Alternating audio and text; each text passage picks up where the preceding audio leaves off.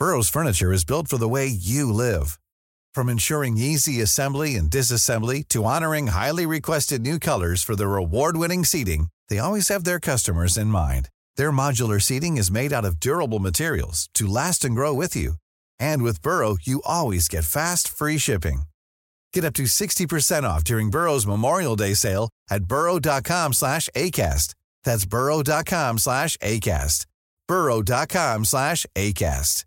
This is Paige, the co-host of Giggly Squad, and I want to tell you about a company that I've been loving, Olive and June. Olive and June gives you everything that you need for a salon quality manicure in one box. And if you break it down, it really comes out to $2 a manicure, which is absolutely insane. It's also so easy to get salon worthy nails at home with Olive and June. The difference between how your nails used to look when you did them yourself and now with the Manny system is a complete game changer. The best thing about Olive and June too is it's a quick dry, dries in about one minute, lasts for five days, and full coverage in up to one to two coats. Visit oliveandjune.com slash perfect manny 20 for 20% off your first system. That's oliveandjune.com slash perfect manny 20 for 20% off your first system.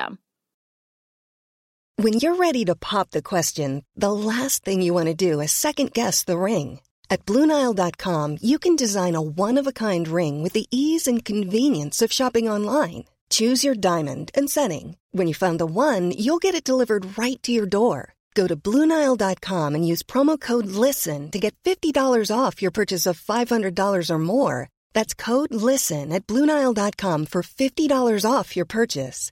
Bluenile.com code LISTEN.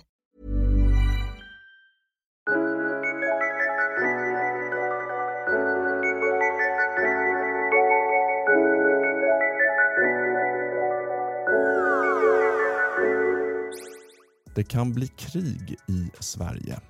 Detta tydliga budskap förmedlades av flera ministrar, inklusive statsministern, under Folk och Försvars rikskonferens i januari i år. Även ÖB var oerhört tydlig och det är såklart Ryssland som är hotet. Ett Ryssland som gång på gång har visat sig villigt att använda våld, inklusive regelrätt invasion, för att få sin vilja igenom och flytta gränser.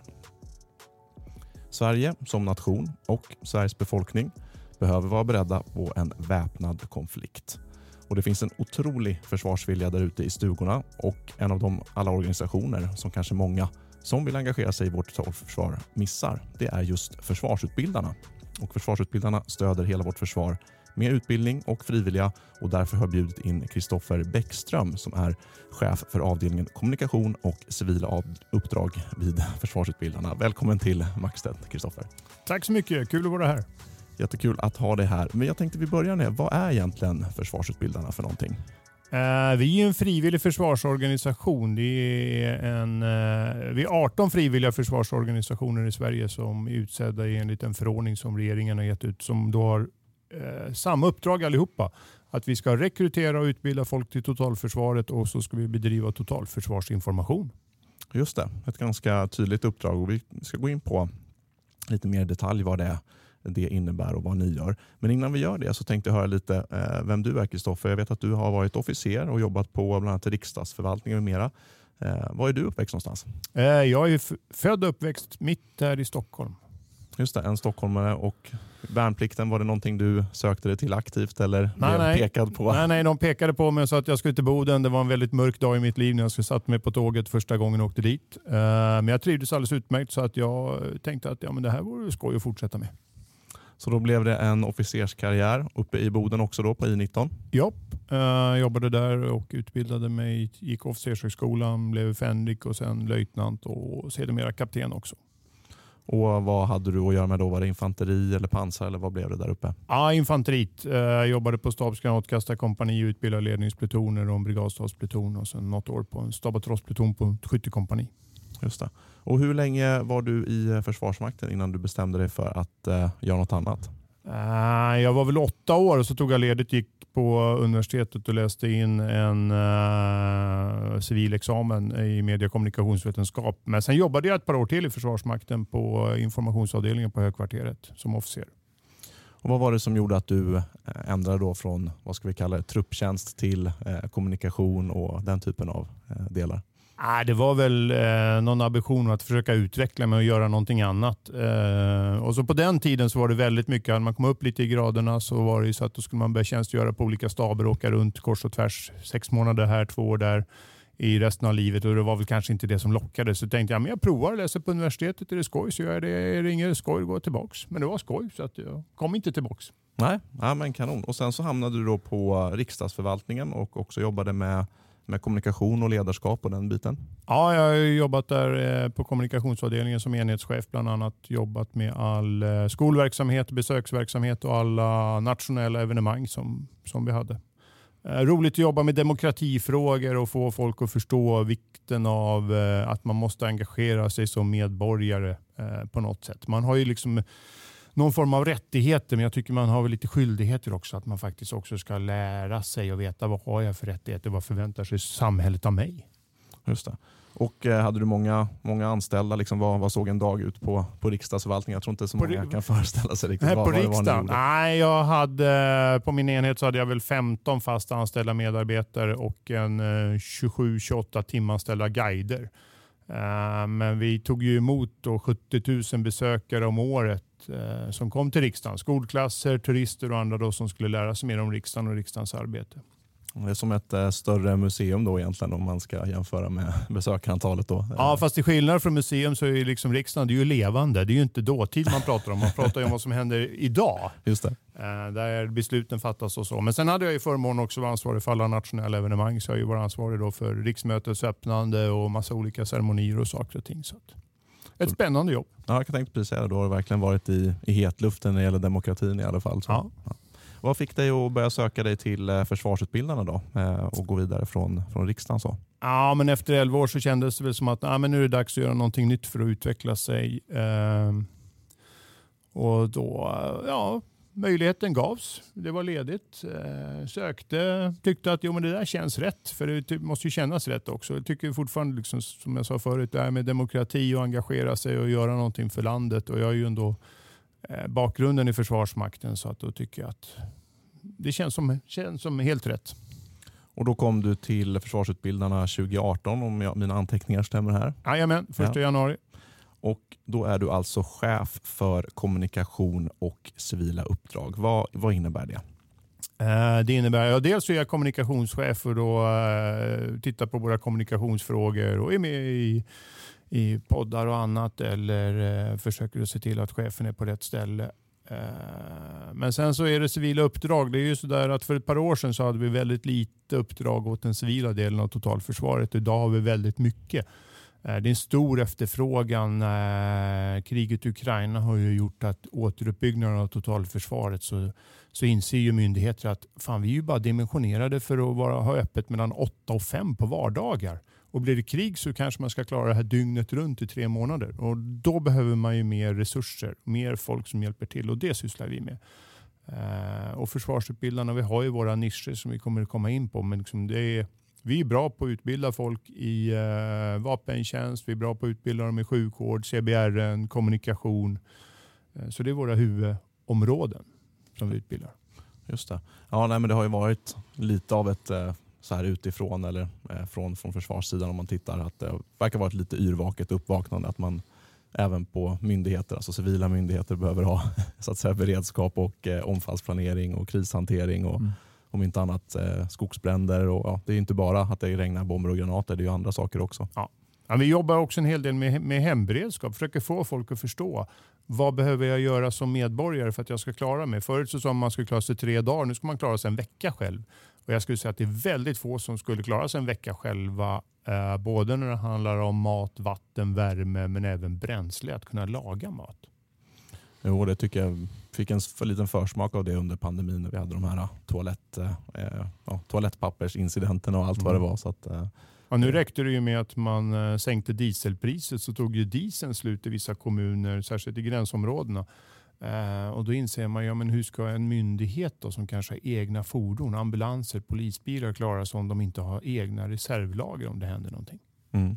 Nej, man kan inte förlita sig på att eh, den civila marknaden ska klara av att direkt fånga upp den här typen av störningar. Mm.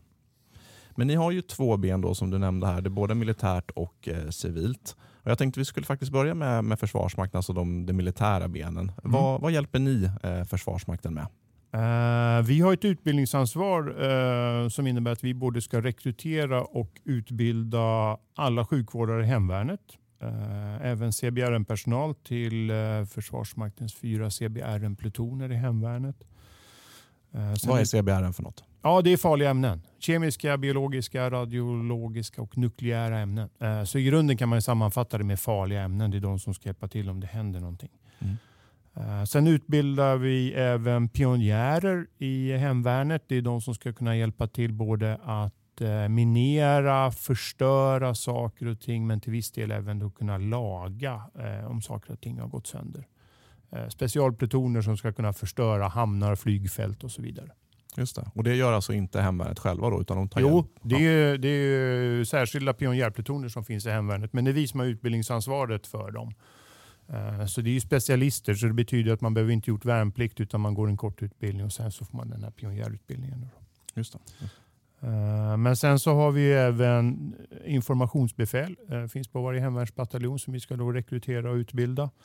Och sen så det som folk ibland har sett, det är ju fältartister. De är inte en del av hemvärnet men en del av Försvarsmakten, personaltjänsten. Fältartister har ju tidigare varit de som åkt iväg till våra utlandsmissioner för att kunna spela och uppträda eh, så att de som är på utlandsmission ska kunna få lite avkoppling i vardagen som personalvård.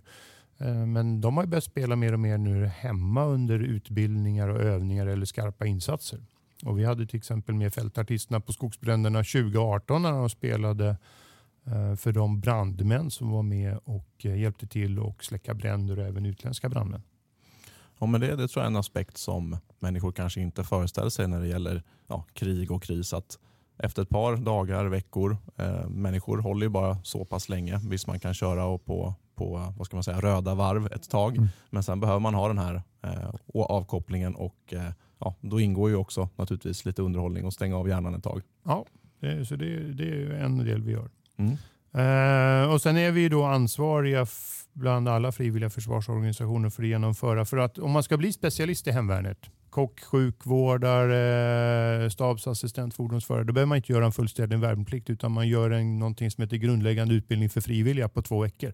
Och så får man lära sig vapentjänst, man får lära sig resa tält, lite grundläggande försvar, värdegrund, fys eh, och sitt uniformssystem.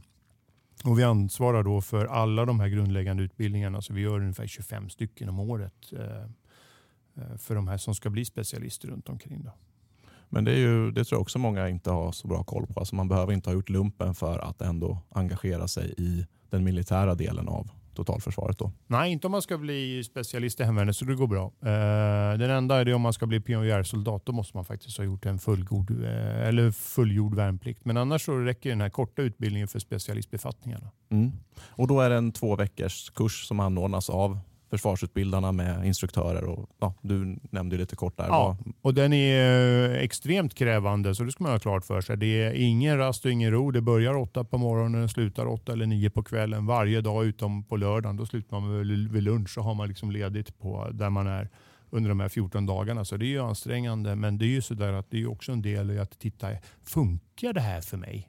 Eh, för att man då på ett tidigt stadium på ett enkelt sätt ska kunna då, kanske inte simulera krig, men ändå belasta folk som kanske är vana vid någonting helt annat och gå till kontoret varje dag eller till butiken där de jobbar. Och sånt där. Så att man förstår att ja, men det här är annorlunda och det här blir en påfrestning. Så att man försöker hitta då.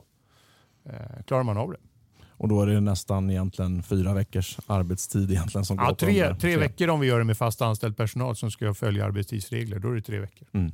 Ja, just det. Och hur hittar man det här? För det, det kommer vi in på också. Men det, man går till er hemsida kan jag tänka mig? Ja, man kan gå till vår hemsida eller så går man till en webbplats som heter Frivilligförsvaret. Eh, och så letar man där. Då har vi både alla specialistbefattningarna i eh, hemvärnet som alla frivilliga försvarsorganisationer är med och bemannar. Då, fordonsförare, kockar och så vidare. Sen när man vill läsa mer, om man vill bli sjukvårdare, pionjär, alltså de befattningar som vi har, då går man in på vår hemsida. Och så kan man läsa mer vad krävs det av mig, vilka fysiska krav är det och så vidare. Eh, och sen kan man göra en intresseanmälan och sen så kommer man bli kontaktad. Men sen måste man ha klart för sig alla får inte plats i hemvärnet. Dels så finns det många som har velat bli det så vissa befattningar är fulla.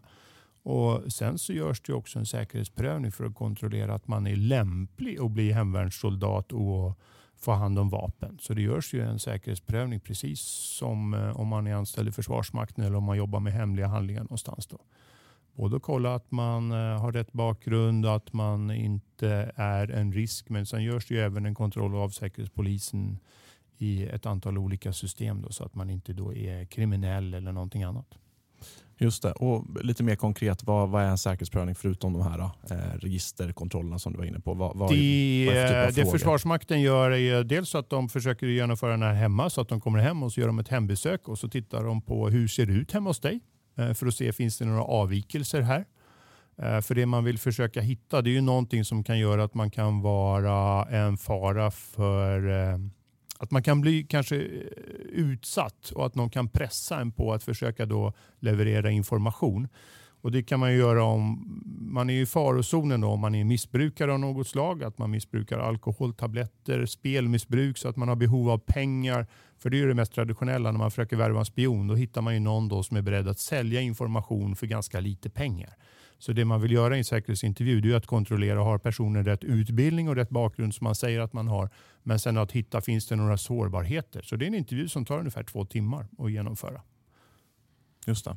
Ja, nej, men det låter ju ganska rimligt, liksom sunt förnuft att vem som helst ska inte få hålla i vapen och delta eh, i nej. uniform. Så. Just det. Eh, och då, det är alltså då, eh, säkerhetsprövning gör man väl även om man har gjort eh, värnplikten antar jag om man eh, ska göra. Ja, alla som ska in till Försvarsmakten gör det för att då kontrollerar man ju också sen då hos polisen då att man inte har gjort någonting olämpligt eller att man är kriminell då, eh, eller finns med i deras system. Eh, så att vi inte, inte utbildar kriminella i vapentjänst. Mm. Så det, det gör alla.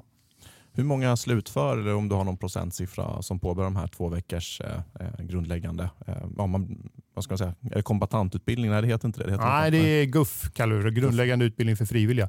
Eh, av 30 personer så är det ungefär 28-29 som genomför det, så det är väldigt lågt eh, antal som då inte genomför hela. Men ofta så är det då att man känner att Nej, men det här var inte riktigt grejen för mig. Det var kanske lite för fysiskt hårt eller tidigare har också varit eh, att man inte kanske då har klarat av alla skjutproven och med godkänt resultat. Men nu ger man en möjlighet att man ska kunna genomföra dem vid ett senare tillfälle så länge man har fått eh, klara av säker vapenhantering. Mm.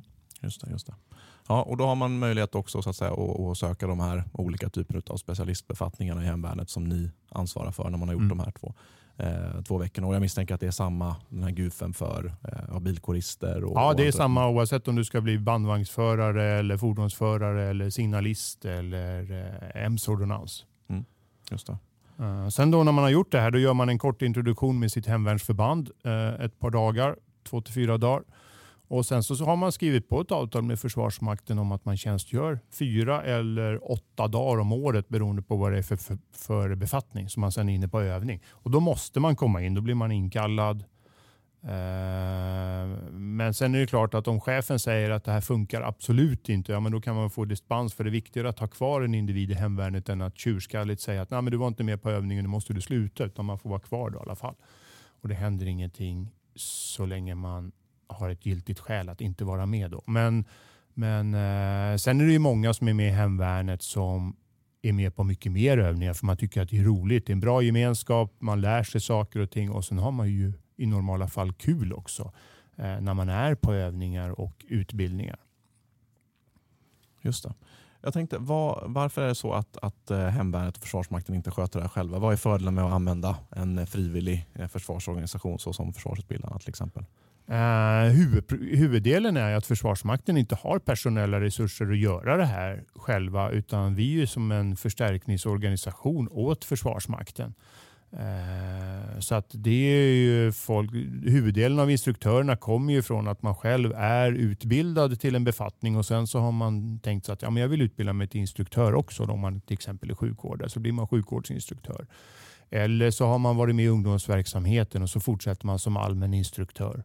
En del av våra instruktörer kommer ifrån eh, att man har jobbat i Försvarsmakten tidigare och har gått i pension eller att man är reservofficer. Och då ser ju Försvarsmakten att det här är ju en del.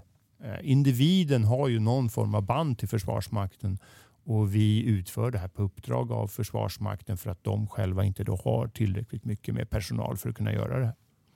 Så man kan säga att eh, det blir ett ganska så kostnadseffektivt sätt för Försvarsmakten att få väldigt mycket utbildning gjord. Ja, och så kan de fokusera på de längre utbildningarna, att utbilda värnpliktiga då hela tiden eller nu internationella insatser och så vidare. Mm, just det. Och Du nämnde lite det var era instruktörer kom ifrån, alltså mm. mycket tidigare officerare eller eh, ja, de som är engagerade kanske också i hemvärnet? Ja, eh. många som är engagerade som blir instruktörer inom sitt specialområde. Eh, och Sen har vi ungdomsverksamhet och därifrån kommer också en hel del då, ungdomar som sen siktar på att göra värnplikt och så vidare. Eh, man kanske gör sin värnplikt, man kanske blir reservofficer men, men efter det så eh, fortsätter man som instruktör hos oss. Man tycker att det är skoj. Mm. Ja, det låter som ett utmärkt tillfälle att få testa med ja, chefskap och ledarskap och även mm. Eh, ja, när man är lärare så tvingas man ju också förbättra sina egna färdigheter i många fall. Ja, ja man får ju gå särskilda instruktörsutbildningar så att man ska bli duktig på att utbilda folk också. För det är ju ingen eh, självklarhet att man från början vet exakt hur man ska göra när man ska göra en plan för att utbilda någon och så vidare. Så, så det är ju en kompetensutveckling för individen också. Mm. Just det. Har ni också anställda instruktörer eller alla kommer in på så att säga, frivillig eh, avtalsbasis? Eh, alla kommer in på av, frivillig avtalsbasis. De enda, vi är ju nästan 30 000 medlemmar eh, i försvarsutbildarna och vi är 17 anställda på kansliet. Då. Eh, och De enda gångerna som vi anställda är ute och håller kurs det är när vi har vissa instruktörer, alltså utbildningar av våra funktionärer. Eh, vi utbildar till exempel en allmän linje över hur det är att sitta i en föreningsstyrelse. Eller en rekryter, alltså att vara rekryterare i ett förbund. Så vi har extremt få tillfällen då vi själva är ute och håller en kurs. Jag själv utbildar kanske tre, fyra dagar om året. Eh, så 99,9 procent är med frivilliga som är pensionärer, har ett vanligt jobb eller är mellan två jobb. Mm. Eh, så är de våra instruktörer. Mm. Ja, det här blir ju en del av också, man kan säga, folkrörelsen. För mm. alltså, frivillighet är ju jätteviktigt med den här folkliga förankringen. Särskilt nu kan jag tänka mig nu när en väldigt liten andel av en ålderskull mm. faktiskt gör någon form av totalförsvarsplikt. Ja, så att, eh, det är en del av totalförsvarsinformationsuppdraget som vi har i folkförankringen. Sammanlagt så räknar vi väl med att det är ungefär 350 000 medlemmar i de 18 frivilliga försvarsorganisationerna. Eh, så det är ju mycket folk. Så. Och man pratar med grannar och vänner och bekanta så betyder det att vi ökar också kunskapen om totalförsvaret. Mm. Ja, självklart är det så och det är ju oerhört viktigt. Det är ju eh, det är svenskarna som ska försvara Sverige så att säga. Så att det, är, det är oerhört viktigt. Men kan vi inte gå in lite mer i detalj på de olika militära eh, delarna av era mm. utbildningar? Om vi ska börja med sjukvården till exempel. Vad, hur ser den utbildningen ut? För, alltså förkunskapskrav och vad händer sen? Lite sådana saker. Mm. Uh, först så går man ju då den här grundläggande utbildningen för frivilliga två veckor. Uh, efter det så går man uh, en sjukvårdsutbildning som är nio dagar. Nu har Försvarsmakten precis vid årsskiftet fattat beslut om att vi ska NATO-anpassa så man ska ha samma utbildningskoncept för svenska sjukvårdare som man har för NATO-soldater. Och De första som kommer att få det här är hemvärnet så vi håller nu på att göra om utbildningen. Men utbildningen kommer att vara nio dagar eh, lång. Eh, och, och, Det är, handlar ju om att lära sig hantera skador som uppkommer vid krig. Alltså kunna stoppa katastrofala blödningar, splitterskador och få folk att överleva. Det är inte så där att man övar sig att sätta ett plåster. Eh, så det är ju första delen på utbildningen. Så den är idag nio dagar och den kommer vara nio dagar i fortsättningen också när vi kommer igång med den. Och Sen så handlar det om att sjukvårdarna i hemvärnet det är de som ska hjälpa till att avtransportera en skadad soldat ifrån stridsområdet och sen bak till antingen till eh, Försvarsmaktens egna sjukvård eller till civila sjukvårdsinrättningar. Det finns ju bara ett fältsjukhus eller om det är två kvar i Sverige. Så det betyder att i normalfall så ska ju en hemvärnssoldat avtransporteras till vanlig vård. Till en vårdcentral eller till sjukhus. Och Det är sjukvårdsgruppens uppgift. Det är att hämta soldaten, göra honom klar för transport och sen transportera bak då för översyn antingen på egen förbandsplats eller fortsätta transporten bak. Så att steg två i utbildningen som också är nio dagar lång, den går ut på att transportera och göra individen transportklar, men även att fungera i grupp. Eh, för det är viktigt att man vet rollerna när man eh, är i sjukvårdsgruppen så att man klarar av och man har samma handgrepp och man vet att det är rätt och man lär sig hur ska man stoppa in den här individen i Folkabussen eller Mercabussen för att köra dem bakåt och att de överlever. Så steg två i den utbildningen är då som sagt var nio dagar. Sen är man färdig. Då har man då först lärt sig sjukvårdsdelarna, omhändertagandet för att stoppa blödningar, göra individen transportklar och så förflyttningen. Eh, och så när man har gjort det då får man då komma in på sina övningar och öva det här förhoppningsvis med sitt förband och varje år. This Mother's Day, celebrate the extraordinary women in your life with a heartfelt gift from Blue Nile. Whether it's for your mom, a mother figure, or yourself as a mom, find that perfect piece to express your love and appreciation. Explore Blue Nile's exquisite pearls and mesmerizing gemstones that she's sure to love. Enjoy fast shipping options like guaranteed free shipping and returns. Make this Mother's Day unforgettable with a piece from Blue Nile. Right now, get up to 50% off at BlueNile.com. That's BlueNile.com. Hiring for your small business? If you're not looking for professionals on LinkedIn, you're looking in the wrong place. That's like looking for your car keys in a fish tank. LinkedIn helps you hire professionals you can't find anywhere else, even those who aren't actively searching for a new job but might be open to the perfect role. In a given month, over 70% of LinkedIn users don't even visit other leading job sites. So start looking in the right place. With LinkedIn, you can hire professionals like a professional. Post your free job on linkedin.com slash people today. Och då blir man eh, krigsplacerad i hemvärnet som, sjukvårds... Som sjukvårdsman. sjukvårdsman. Mm. Ja. Just det. Och var hamnar man då liksom organisatoriskt? Är det, på... Uh, det finns på varje eh, kompani finns det sjukvårdare. Uh, och, och stridssjukvårdare håller man på att titta på. Då, så att man håller på att förändra. Så det finns väl vissa oklarheter exakt var man är. Men du är ju krigsplacerad och du tillhör ett, ett förband. Och det finns på alla 40 hemvärnsbataljonerna som finns i Sverige från norr till söder. Så att det, är ju, det är många. Jag tror vi har 680 befattningar för sjukvårdare i hemvärnet som vi ska bemanna och sen så på de här sjukvårdsgrupperna så utbildar vi även då de som är gruppchefer och ställföreträdande gruppchefer. De rekryteras av hemvärnet själva när man har, har sjukvårdare som man tycker är duktiga. Då skickar, frågar man så här, hej skulle du vilja bli gruppchef eller ställföreträdande gruppchef? Och så får man gå en gruppchefsutbildning. Och då är man med och övar på den här steg två-utbildningen så att man får praktisera att vara gruppchef under en utbildning på sin egen gruppchefsutbildning. Då. Mm.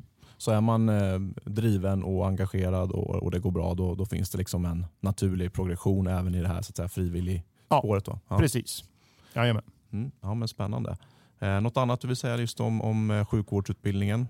Uh, nej, men det är väl lite spännande nu att vi byter koncept och att man övergår till ett som, som NATO har tittat på. Vad är det för utbildning man verkligen måste ha för att klara av krigets krav? Uh, och det, det känns roligt att få vara med här nu och titta på den här delen och att hemvärnet faktiskt är först i Försvarsmakten. Och dessutom satsar Försvarsmakten nu på att köpa in nya fordon, nya tält och ny utrustning till de här sjukvårdsgrupperna för de organiserade. Så att det, eh, det känns ändå det är viktigt och det känns roligt att det, det är inte några gamla mossiga saker utan det är nya grejer, det är ny teknik, eh, väldigt modernt och eh, kommer höja förmågan i Försvarsmakten mycket. Mm. Ja, men det tror jag inte heller kanske gemene man har tänkt på så mycket att just sjukvårdsområdet finns ju behov i hela Försvarsmakten. Det måste alltid finnas eh, någon som kan hjälpa till. Och, och även om alla soldater kan någon form av sjukvård så är det en specialistkompetens precis mm. som alla andra. Så att, ja, men spännande. Det mm. låter som en eh, väldigt gedigen utbildning. Men ska vi gå in lite på, på då, den här eh, farliga ämnen-personalen. Hur går den utbildningen till och hur ser det ut där? Eh, samma sak. De börjar också då med Guffen två veckor för att få den här allmänmilitära utbildningen och sen så går de eh, rek och saneringskurs, eh, de flesta av dem. Och, och, Det betyder, det handlar ju om att lära sig att kunna upptäcka om det finns farliga ämnen. Det kan ju då vara kemiska stridsmedel som man ska indikera för att kunna då mäta i luften eller på snö eller i vatten för att se finns det något som är farligt här. För ofta så är det så att de här sakerna syns ju inte utan man måste ha särskild utrustning för att prova det. Och sen om det är någon som har utsatts för det, då ska, måste man ju sanera individer eh, och utrustning, fordon, tält och så vidare. Så att då får man också lära sig det. då.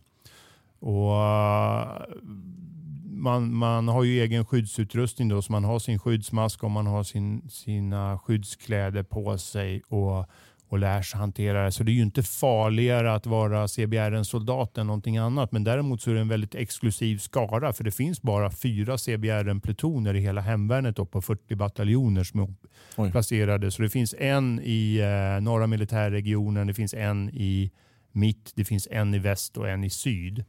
Eh, så det är ju en, en eh, väldigt specialiserad. Sen lär man sig till viss del också släcka bränder. Eh, för det är också en sak då som kan uppstå med, med kemiska stridsmedel och andra, eller såna här farliga ämnen och utsläpp. Så det är, det är väldigt nischad. Det är inte särskilt många. Det är ett 50-tal personer som, som vi rekryterar och utbildar här. Mm. Och då, alla de här de placeras då på, på en av de här eh, fyra plutonerna och sen så är man inne och övar Ja, det är åtta dagar om året. Mm. Eh, och Sen så kan man gå... Viss del av, av personalen är ju, kommer ju från eh, Försvarsmaktens skyddscentrum sen då, som har varit krigsplacerade i andra förband. Så att det finns även högre specialistkompetens här. Men det är ju en resurs per militärregion då som, och man kan ju samla ihop dem om det skulle behövas. Men, men, men det är som sagt det är en liten, eh, extremt specialiserad resurs för att, få, för att göra det här. Mm.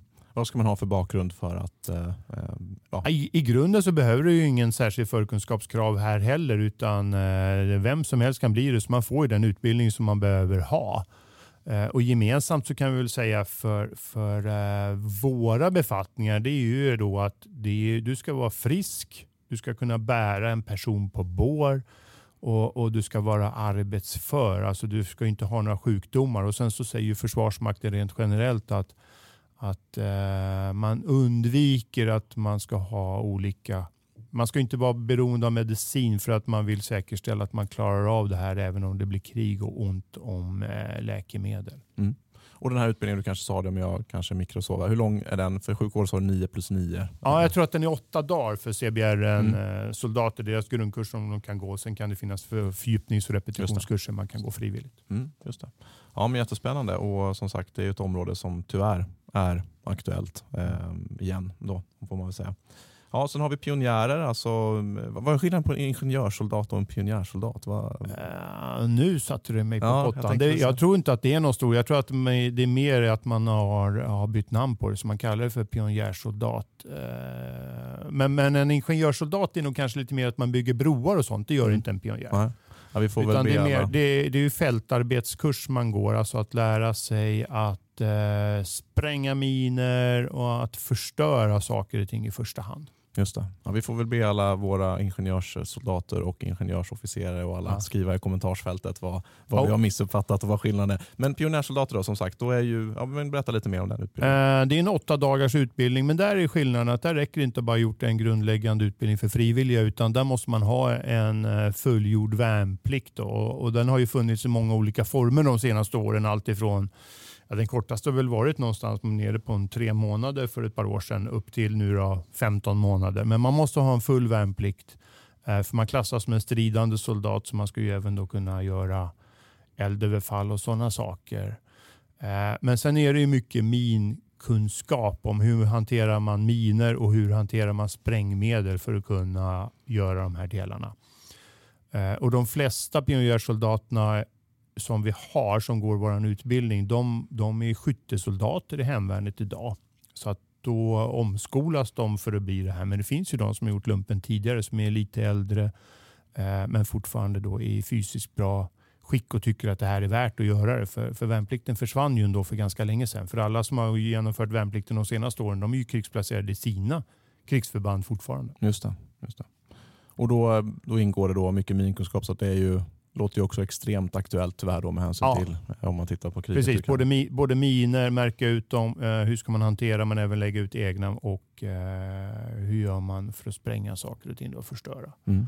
Och, och den finns... är sju, åtta dagar lång den här mm. utbildningen. Mm. Genomförs för tillfället bara en gång om året och eh, i år så genomför vi den nere i eh, Eksjö. Mm. Och, eh, vi, målet är väl att öka antalet utbildningar så att det kommer att bli fler varje år.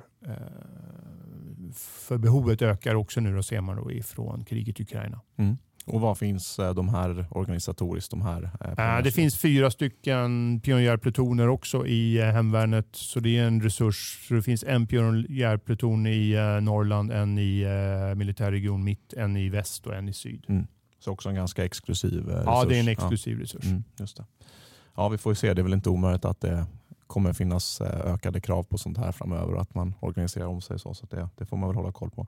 Ja, och Sen så har vi då eh, informationsbefäl. Vad, vad gör ett sånt för det första? Eh, en informationsbefäl är, kan man säga motsvarar en kommunikatör på en myndighet eh, eller en pressekreterare. Då, ska hjälpa bataljonschefen att titta på hur ska vi kommunicera Hemvärnet är ju lokalförsvarsförband som ska fungera där folk bor och jobbar eh, i vanliga fall.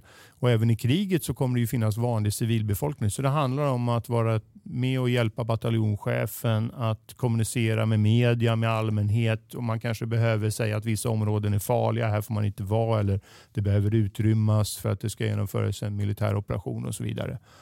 Eh, de flesta som blir informationsbefäl har väl en bakgrund som journalister eller informatörer eh, för att bli informationsbefäl. Mm. Och det är samma sak där, det är en, en första utbildning?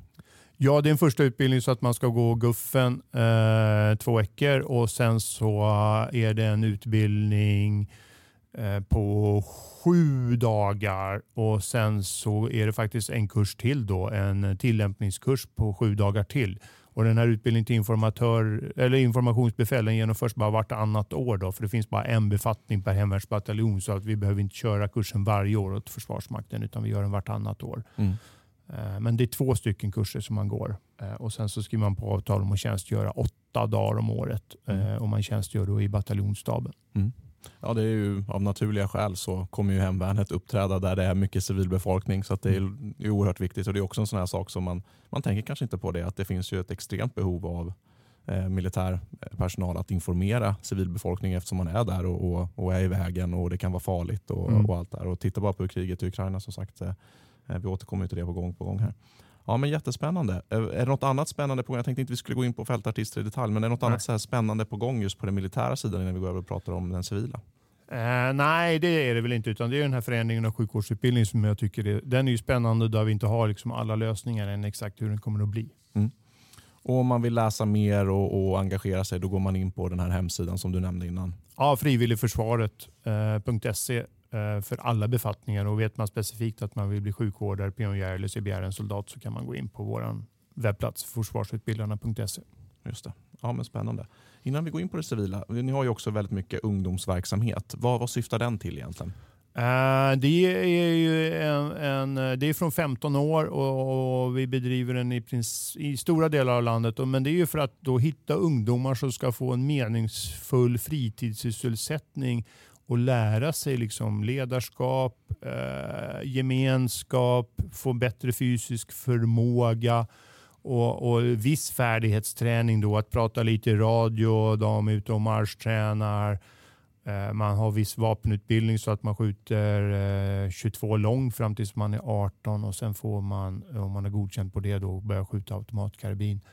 Eh, Eh, och, och, Målet där är ju att förbereda de här individerna för hur kan det vara att få en tjänst i Försvarsmakten. Både att man vill locka folk att göra värnplikt men även att då fundera på, vill jag bli officer eller vill jag engagera mig i, uh, i hemvärnet? Mm.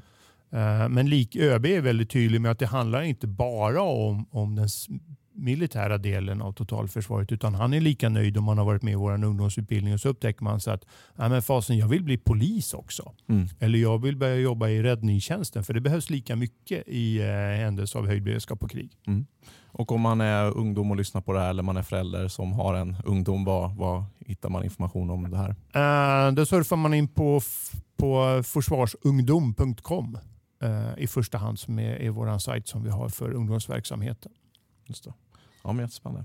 Ja, men den civila delen då, som sagt, myndigheter och länsstyrelser fick ju ett ganska tydligt uppdrag, eh, eller har ett ganska tydligt uppdrag. Och vår civilförsvarsminister, eller minister för civilt försvar, Carl-Oskar Bolin, nämnde ju det också på Folk och Försvars eh, rikskonferens här, att eh, det är dags att sätta fart eh, även med den civila delen av totalförsvaret. Och där är ju ni verkligen på gång och det hade jag faktiskt ingen bättre koll på. Vad, samma sak där. Varför lägger myndigheter och länsstyrelser eh, utbildning hos er och varför gör de inte det själva?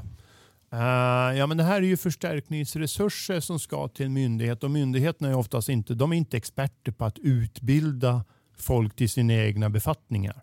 Utan då, då hjälper vi dem, uh, vi frivilliga försvarsorganisationer, vi har lite olika nischer så vi har ju våra befattningar som vi har. Medan vill man bli stabsassistent och hjälpa eller expeditionsassistent och hjälpa till på en myndighet, ja men då är det lottakåren som har det. Medan vi utbildar skyddsvakter, kommunikatörer, vi har räddnings och röjningsstyrkor, vi har regional sjukvårdsförstärkningsstyrka och så vidare. Förstärkningspersonal till kärnkraftslän. Uh, och det är, vi är bra på utbildning, vi är bra på att rekrytera folk uh, och det är det som står i frivilligförordningen som är vårt huvuduppdrag. Uh, så därför så lägger de det på oss. Så det är lite samma sak där, att det är ett kostnadseffektivt och ja, smart sätt för myndigheterna att få Eh, få hjälp att bygga upp sina organisationer så de kan hantera kris och, och krig. Då. Ja. Mm. Ja, men spännande. Vad har ni lärt er när ni tittar på kriget i Ukraina? Ni, ni, måste ju förstås sitta och analysera och sånt och ni får väl uppdrag både från myndigheterna och, och eh, Försvarsmakten. Vad, vad, vad, vad, tänker du när, du när du ser det som händer där nere? Uh, ja, men man slås ju av, av eh, vilket elände och eh, vilken brist på respekt för, för mänskliga rättigheter som, som Ryssland har när man urskillningslöst och bombar civila mål. Eh, alla har ju sett de här hemska bilderna man ser när de då har bombat höghus där det bor människor. Man ser det är inget militärt mål. Man gör det bara för att jävlas och skada civilbefolkningen. Eh, och, och, Det här har ju gjort att vi ser ju att det finns ett enormt behov av att vi ska vara med och öka kunskapen om hur hanterar man skottskador, splitterskador till exempel. Så vårt mål är ju att eh, utbilda så många vi kan av de frivilliga som har avtal så att de ska klara av sådana här krigsskador. Eh, för, för det finns ju inte de här katastrofblödningarna som man nu ser Eh, från kriget i Ukraina. Det är ju, det är ju bara de här gängvålden när man skjuter på, på människor där det uppkommer. Eh, och, och, då är det ju civil personal i vanliga fall. Vi är ju vana vid att ja, men vi lägger folk i framstupa sidoläge och, och kollar att man andas. Ja, men det räcker ju inte i krig utan där måste man kunna stoppa en blödning omedelbart för att annars så har ju folk förblött på ett par minuter. Mm. Ja, och det är ju verkligen inte bara militära förband som behöver ha den här kompetensen. Eh, det ser vi ju. Ja, I Ukraina har man ju utbildat extremt mycket eh, civilpersoner i eh, omhändertagande av katastrofblödningar för att man då ska snabbt se till att både militära förband men även räddningstjänst och polis som blir utsatta för sånt här och klarar sig och överlever. Och, och att man då ser till att folk inte dör som, eller i mycket större omfattning. Men sen har vi ju även sett att räddningstjänsten behöver ju förstärkas och få mer människor. Eh, det är ju samma personer som är idag som åker runt och släcker bränder i lägenheter, åker på trafikolyckor och andra saker. De ska ju även i händelse av krig då hitta folk i de här husen som har då raserats som man skjuter in kryssningsrobotar. Och I kombination med det här så ska man ju även då försöka se till att märka ut var finns det oexploderad ammunition så att folk inte skadar sig. Det finns otroligt mycket miner eh, i Ukraina men även oexploderad ammunition från de här anfallen. Och Då gäller det att man märker ut dem så att man inte får fler offer. Så det är en sak som vi har tittat på som vi inte hade tänkt på när vi startade till exempel våra räddnings och röjningsstyrkor. Så vi har utvecklingsprojekt i år med MSB Eh, när det gäller just att titta på då sök och räddning i byggnader. Hur ska vi kunna utbilda frivilliga i det här? Men även hur ska vi kunna utbilda frivilliga att märka ut ammunition? Inte att, att ta hand om det, men att märka ut så att inte fler skadas. Mm. Och det är som sagt alla de här andra sakerna såsom vanlig, om vi ska kalla det det, eh, räddning, räddningstjänst. Den kommer ju inte försvinna utan det kommer ju bara vara så att det tillkommer ett stort behov. Eh, särskilt då eh, om det blir ett sånt typ av anfall mot en stad eller liknande. Ja, och Sen har vi även sett att Ryssland har ju systematiskt gjort så att man har ju först bombat ett hus och sen när man har sett att nu kommer räddningstjänsten och, och räddningspersonal dit, då har man bombat en gång till då för att försöka slå ut räddningstjänsten. Så räddningstjänsten har behövt jobba på andra sätt och vara mycket försiktigare. Och, eh, och så. så det är också en erfarenhet ifrån eh, kriget att man kan inte förvänta sig om vi landar i ett krig med Ryssland i framtiden att de följer krigets lagar. Nej, nej det, det var någonting som verkligen slog mig från intervjun som jag hade med okänd soldat, då, den här svensken som var nere och, och jobbade som sjukvårdare i de ukrainska eh, försvarsstyrkorna.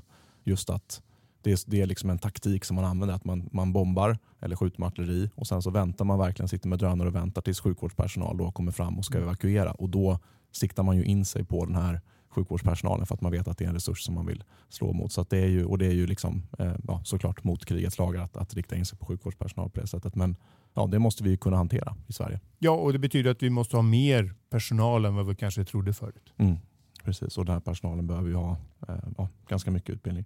Ja, nej men, eh, tråkigt men, men som såklart spännande och, och jättebra att, eh, att vi har eh, försvarsutbildarna och andra frivilliga organisationer som håller på att accelerera på de här puckarna. Eh, men ska vi börja då lite med, med räddning och röjning då, eh, som vi pratade om precis. Där har vi ju då en, en utbildning för, eh, ja, vad, vad kallar man det? Räddning och röjnings... Räddnings och röjningsstyrkor det är en förstärkningsresurs för eh, länsstyrelser. Eh, vad är en länsstyrelse för någonting? En länsstyrelse det är ju eh, då en statlig myndighet som har ett geografiskt områdesansvar. Till exempel Länsstyrelsen Stockholm eh, har ju då nivån under regeringen och myndigheter så har de ett geografiskt områdesansvar. Sen är det ju en kommun och ett antal kommuner ihop geografiskt, där finns det en länsstyrelse. Så det finns 21 länsstyrelser i Sverige. Just det. Och Länsstyrelsen är ju då, eh, i, i grunden så, så jobbar ju de med papper på dagarna på kontor. Men, men eh, vid höjd beredskap eller även bara större olyckor idag som skogsbränder, då kan en länsstyrelse då hjälpa till och samordna verksamheten inom sitt område mellan kommuner. Och Man kan även då prioritera om resurser. Och då är det tänkt att en räddnings och röjningsstyrka ska bland annat då in, bestå av folk som kommer ifrån försvarsutbildarna, de vi utbildar, eh, Eh, som ska då hjälpa räddningsledare vid höjd beredskap och krig, men även vid fredstida kriser. Så att vår, de som utbildas hos oss då ska kunna hjälpa räddningstjänsten om det blir krig med att hitta folk i förstörda byggnader, märka ut oexploderad ammunition och så. Men vi vill ju även, vi vet ju om att det, naturen här i landet gör ju att det blir ett antal saker som räddningstjänsten hanterar varje år. Skogsbränder och då har vi en utbildning då. Hur släcker man skogsbränder och vilka faror finns det? Så det är ju huvuddelen. Men, men vi har ju haft våra räddnings och röjningsstyrkor insatta även vid översvämningarna. De hjälper räddningstjänsten med att skotta sandsäckar och se till att folk inte ska få sina hus översvämmade. Eh, de skulle lika väl kunna hjälpa till vid eh, snöstormar och andra såna här svåra väderförhållanden när räddningstjänsten hinner och hjälper till. Just det. Och då, vad händer då, då när man har gjort den här utbildningen? Då, då blir man alltså... Man krigs- krigsplaceras hos, eh, antingen hos Länsstyrelsen eller hos eh, någon räddningstjänst. Så blir man krigsplacerad där. Eh, och eh, Vi har nu då, eh, Länsstyrelsen Skåne. De, de har verkligen tittat på det här. Så där kommer vi utbilda 300 personer nu de Oj. närmsta fyra åren till deras räddnings och röjningsstyrkor. Medan de flesta andra länen de har, har ingen eller en räddnings och röjningsstyrka på 30 personer. Här i Stockholm ska vi utbilda en andra styrka på 30 personer nästa år som ska förstärka räddningstjänsten. 60 personer som ska förstärka räddningstjänsten i ett område med över en och en halv miljon. Ja, eh, men man måste börja någonstans. Jag Mm. tycker att det, även om det inte låter så mycket så är det fortfarande så att det är bättre än ingenting. Mm. Eh, Sen måste man vara klar för oss att vissa delar kräver en eh, mer omfattande utbildning och därför så har man ju sagt att man ska, har ju återaktiverat civilplikten för räddningstjänst. Och man skickade ju förra veckan eller för, mm, eh, ja, i fredags var det, man skickade ut brev då till 16 000 gamla brandmän och sagt att eh, vi kommer behöva plikta in dig på civilplikt som har varit vilande. Men det är ju folk som har bättre utbildning som både då har lärt sig släcka eh, med vatten och skum och, och vet om riskerna. Mycket när det handlar om, om bränder, det är ju risker. När vi utbildar folk i skogsbrandsbekämpning som vi kallar kursen, då är det ungefär halva tiden, två dagar, så handlar det om att koppla ihop slangar, sköta pumpar och spruta vatten. Men sen är det två dagar med vilka risker är det. Eh, för om man inte vet hur man ska koppla ihop slangarna och sen så trycksätter man dem så har man gjort det slarvigt då kan ju slangen då slå av ben på människor. Så pass kraftigt är det. Och Man måste ju veta också om vad är det som händer när det börjar brinna. Då. Att det kan finnas glödgropar man kliver i. Eh, trän som helt plötsligt faller ner vid skogsbränder. Det låter ingenting, de kommer bara helt plötsligt. Så det är mycket riskhantering. Och Det är ju samma sak med övrig räddningstjänst. De utsätts ju för väldigt mycket farliga ämnen i rökgaser och annat beroende på vad som brinner. Så då är det krävs en mer avancerad utbildning. Så jag tycker att räddnings och röjningsstyrkor det är en bra förstärkning. Sen är det bra att man ser över nu återinför civilplikt för före detta brandmän som har då en bättre utbildning. Så kombinationen där kommer att göra att räddningstjänsten kommer att fungera mycket bättre. Mm. Och få mycket, mycket, mycket mer folk ja. än vad man hade tidigare. Så det är räddnings och räddningsstyrkor. Och hur lång är den här utbildningen? Då? Den är, den är fyra dagar, men sen så finns det flera av eh, våra uppdragsgivare som säger att man även ska gå en fem dagars sjukvårdsutbildning vi har. Där fokus ligger just på stora eh, katastrofblödningar. Eh, så då är det en fem dagars sjukvårdsutbildning. Så den är antingen obligatorisk eller frivillig. Men vi har även en två dagars utbildning i eh, CBR, en introduktion om farliga ämnen. Vad finns det för risker? Vad är det för saker man ska tänka på? Det är en teoretisk utbildning men så att man ska förstå vad är det för någonting som kan hända både i fred men även vid krig. Eh, vad händer om man skickar in en kryssningsrobot in i ett bensinlager? Vad är det för gifter som kan komma i röken och så vidare så att man tänker på det. Då. Vad händer om, om järnvägsvagnar med farliga ämnen välter? Så att det är liksom en teoretisk baskunskap så att man ska veta om vilka risker som finns och vad, vad ska man tänka på om, om det skulle inträffa. Mm. Ja, det är, det är mycket att tänka på så att säga. Det verkligen. Ja, men det var räddnings och räddningsstyrkor. Då blir man då krigsplacerad i räddningstjänsten ja. på respektive länsstyrelse. länsstyrelse. Ja, just det, precis så. Ja, men det var räddning och röjning. Eh, och Sen så har vi ju lite andra eh, civila eh, utbildningar och eh, tjänster. Bland annat kommunikatör tror jag ni hade också va? Ja, vi har kommunikatörer som förstärker upp eh, myndigheters eh, ordinarie kommunikationsverksamhet. För som jag sa eh, i början där, eh, myndigheter är gjorda i normala fall och, och fungerar 8 till 5 var måndag till fredag och blir det krig så ska man då kunna fungera dygnet runt hela tiden och kommunicera med allmänheten och berätta om vad ska man göra och vad ska man inte göra. Så de här kommunikatörerna det är folk då som jobbar i vanliga fall som eh, kommunikatör eller journalist. Eh, eller jobbar på någon PR-byrå eller något sånt där då, som tänker att ja, jag vill bidra och göra någonting. Eh, så länge man inte är krigsplacerad så kan man då söka utbildningen. Och så får man gå en eh, grundläggande utbildning hos oss på tre dagar eh, för det och sen så får man gå kurser i civil beredskap så att man ska förstå hur fungerar krishanteringssystemet mellan myndigheter, kommuner och så vidare. Eh, och sen går man även kurs i stabsmetodik för man kommer ju att förstärka en myndighetsstab stab.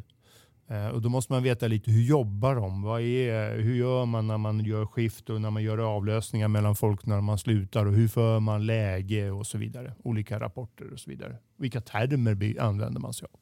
Och då blir man också krigsplacerad på, på, på myndigheten, myndighet. på ja. Länsstyrelsen? Ja. ja, Länsstyrelse eller myndighet. Det kan vara på MSB eller Jordbruksverket har vi också. Ja, Livsmedelsverket ska vi utbilda för i år. Just det, så att även de, de så att säga, vanliga, om vi ska ja. kalla det, statliga myndigheterna behöver också ha... Ja, beredskapsmyndigheter i första hand. Då. Ja, just det. Just det. Eh, och sen så, Det var kommunikatörer. Sen har vi ju eh, förstärkningsresurser vid eh, ja, kärntekniska olyckor. Ja, vi eh, rekryterar och utbildar folk eh, till Länsstyrelsen i Uppsala för kärnteknisk olycka. Det finns ju kärnkraftverk där och då är det Länsstyrelsen som är ansvarig vid en kärnteknisk olycka. Eh, och de ska kunna hjälpa räddningstjänsten med att i första hand mäta om folk har fått strålning på sig med olika instrument för att se hur strål, finns det strålning eller inte. Då behöver de omhändertas och saneras. Eh, och just nu så håller vi på att rekrytera indikerare till Gotland. Eh, för man har gjort om de här zonerna så att Gotland, trots att man inte har någon kärnkraftverk, ska numera då mäta för att se då att det inte finns någon strålning. Och strålning behöver ju inte bara komma ifrån om det händer någonting i Sverige, utan vi vet ju i Tjernobyl så blev det ju strålning och sen har vi ju dessutom då en hel del vapensystem i andra länder som drivs med kärnkraft. Och, och därför så vill man mäta kontinuerligt. Finns det någon, någon, radioaktiv strålning i luften? Precis, för det är ju samma sak där. Det är ju som CBR, alltså det är en del ja. av det. Alltså att man, det är saker man inte kan lukta eller känna eller Nej. se utan det är ju eh, någonting som kan hända. Då. Ja, så nu håller vi på att utbilda 16 indikerare på Gotland eller rekrytera 16 indikerare på Gotland. Mm. Just det. Eh, ja, och sen så har vi väl skyddsvakter också, civila skyddsvakter alltså? Ja, eh, mängden skyddsobjekt eh, vid höjd beredskap och krig kommer ju öka. Myndigheter har ju sin ordinarie plats där de är, men sen så har ju de flesta då en eh, andra stabsplats där man ska kunna vara, så man inte berättar i förväg var den ligger. Och de här är ju skyddsobjekt och de får ju då bara bevakas av eh, polis, militär eller utbildad skyddsvakt.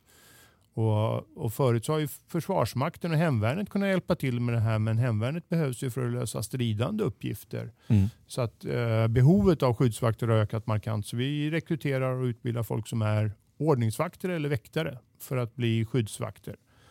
Eh, huvudsakligen hos Länsstyrelsen men även Trafikverket har vi. Vi är på gång med några andra myndigheter också då som har antingen stabsplatser eller att man ansvarar för eh, kritisk infrastruktur som är skyddsobjekt. Eh, så då får man utbildning både för att då först bli förordnad skyddsvakt och sen så kan man få utbildning på eh, förstärkningsvapen om uppdragsmyndigheten vill det. Och förstärkningsvapen det är alltså? Automatkarbin. Mm. Mm. Och, eh, vad är skillnaden? Jag får såna här, lite, ja, jag är mycket på Twitter eller X eller vad man ska kalla det. Och, Eh, det har ju pratats då nu när civilplikten är eh, återaktiverad. Eh, det har pratats lite om driftvärn och sånt där. Vad är skillnaden på en, en, en skyddsvakt som hjälper en myndighet och det gamla liksom, driftvärnet? En skyddsvakt idag har ju i grunden samma befogenheter som en polisman i stort i anslutning till sitt objekt. Eh, och får då gripa folk eller försvarare med vapen eh, för att det här är klassat som viktigt. Och de har ju då sin särskilda utbildning. Sen ska man ju tillkalla polis då som ska komma och ta om man griper någon.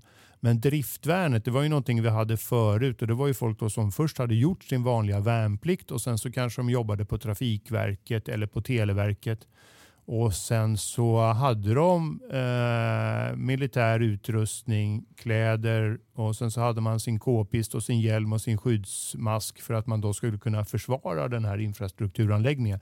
Så skillnaden är väl kanske inte jättestor så, men jag skulle säga att våra skyddsvakter idag har ju en eh, bättre utbildning i vapentjänst än vad de farbröderna och tanterna hade som hade fått lära sig sin k-pist för kanske tio år tidigare. Mm. Mm.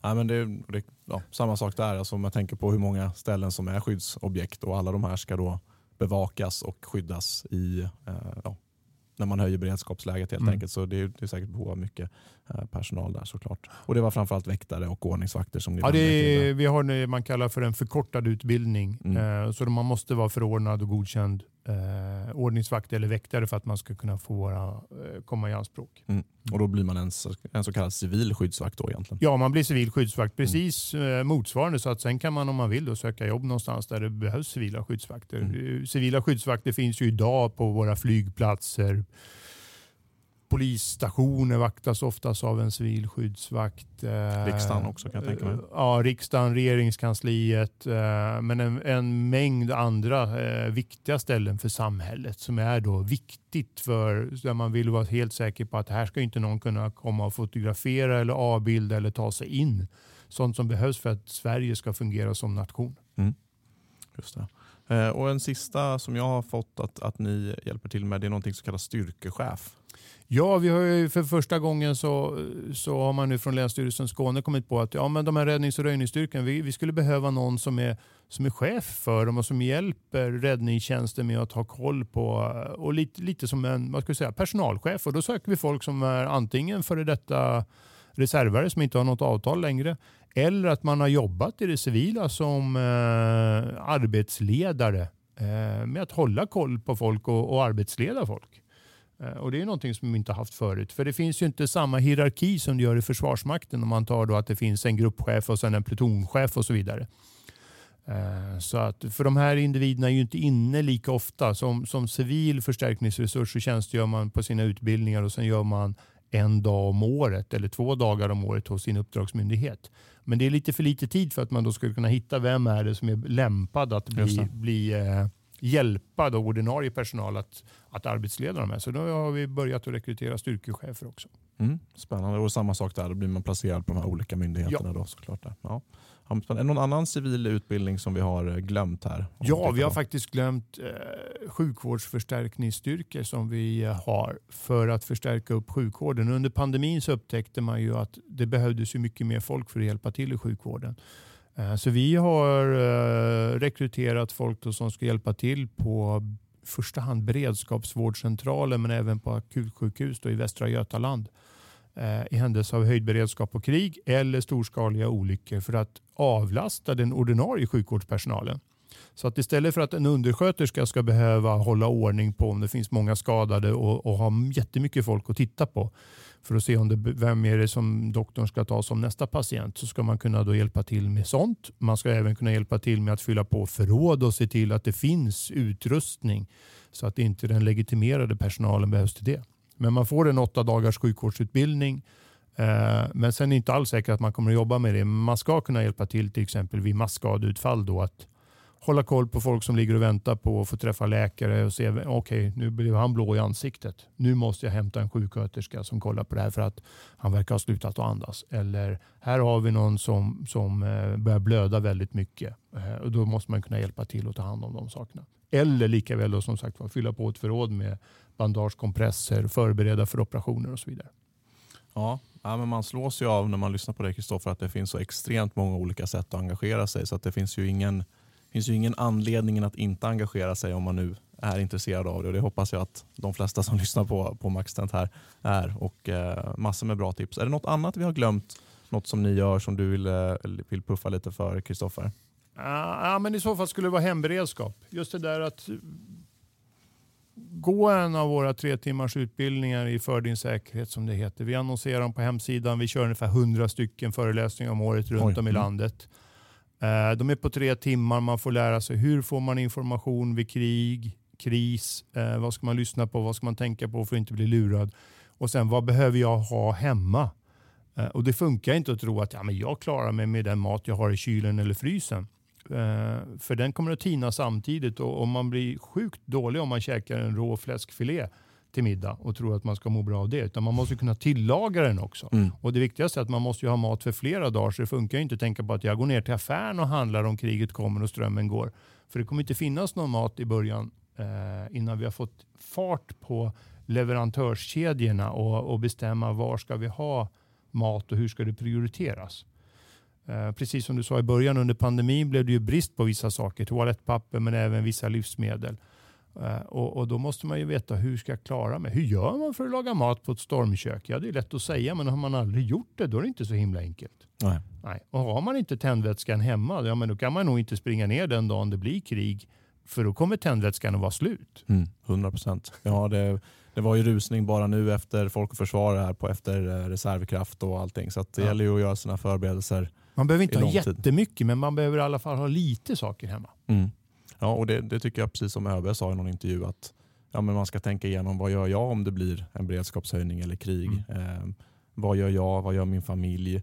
Om jag måste in och tjänstgöra? Eh, vad händer med mina barn? Alltså att man har tänkt igenom det där. För det, det behöver inte ta jättelång tid och vara jättedyrt att förbereda sig för det nu. Medan när det väl händer så kan det bli extremt dyrt och extremt jobbigt att, ja. att göra de här förberedelserna. Och en väldigt enkel sak eh, som jag tror väldigt få har tänkt på det är att se till att ni har en extra rulle med soppåsar hemma. Mm. Då tänker man, vad ska jag med dem till? Jo, de ska du ha och sätta i din toalett när du behöver gå på toaletten när det blir krig om det inte finns vatten i avloppet. Mm. För det går inte att spola i ett höghus eh, och tro att man kan utföra sina behov utan då får man göra det i en påse.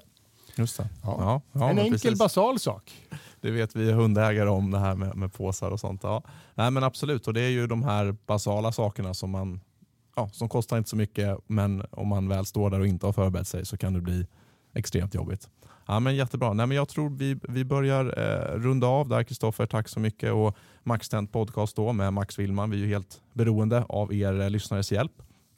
Eh, så vill ni stötta podden och Youtube-kanalen så finns ju, finns ju en länk till Swish nere i beskrivningen. Det finns också en länk om du vill bli månadsgivare och då får du bland annat möjligheter att ställa frågor till de kommande eh, poddintervjuerna som jag eh, har på gång här. Och Du kan också stötta MaxTent genom att köpa lite snygga t-shirts eller hoodies på 9xg.se. 9xg.se. Och har du inte möjlighet att eh, hjälpa till ekonomiskt så gör mig en tjänst och gilla videon om du tittar på Youtube eller Eh, Spotify eller Apple Podcast kan du också gå in och ge ett betyg. Och när du har gett de där fem stjärnorna så skriv gärna i en kommentar på eh, kommentarsfältet vad du tycker om den här podden. Och Avslutningsvis, friheten är inte gratis, eller som det heter på engelska, freedom is not free. Och Som medborgare i det här landet så har vi inte bara rättigheter, vi har också skyldigheter. Och Alla har ju sett bilder från Rysslands invasion av Ukraina sönderbombade sjukhus, utbombade städer och mördade civila. Vi måste vara redo och vill du ha fred så förbered dig för krig. Ställ dig frågan, precis som ÖB gjorde under Folkförsvar. Vad gör du om kriget kommer? Och idag har ju du som inte redan är engagerad i vårt gemensamma totalförsvar fått massor av tips och ledtrådar här av Kristoffer om hur du kan göra för att engagera dig. Så se till att gå ut där, ta initiativet och agera. Och avslutningsvis så går våra tankar som vanligt till alla de som redan har engagerat sig och se till att vi andra kan sova tryggt om natten i våra hem och leva våra liv precis så som vi själva valt att leva. All försvarsmaktspersonal, polis, räddningstjänst, tull, kustbevakning, alla blåljusmyndigheterna och ett särskilt tack till dig som engagerar dig som frivillig i vårt eh, totalförsvar. Jag Max, jag finns på sociala medier under snabla Max Filman. Kristoffer och försvarsutbildarna finns under snabla Försvarsutb och försvarsutbildarna.se. Och till nästa gång, det här är Max och Kristoffer Fly Safe.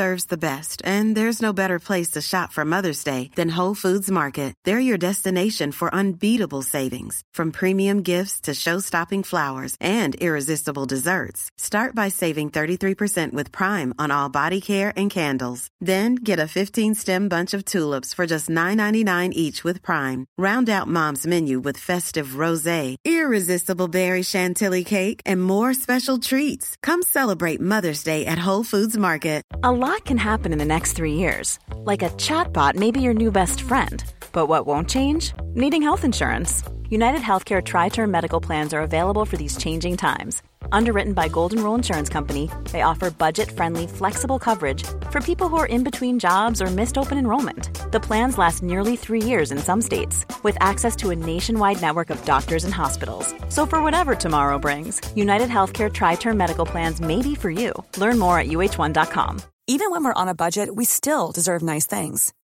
Quince is a place to scoop up stunning high end goods for 50 to 80% less than similar brands.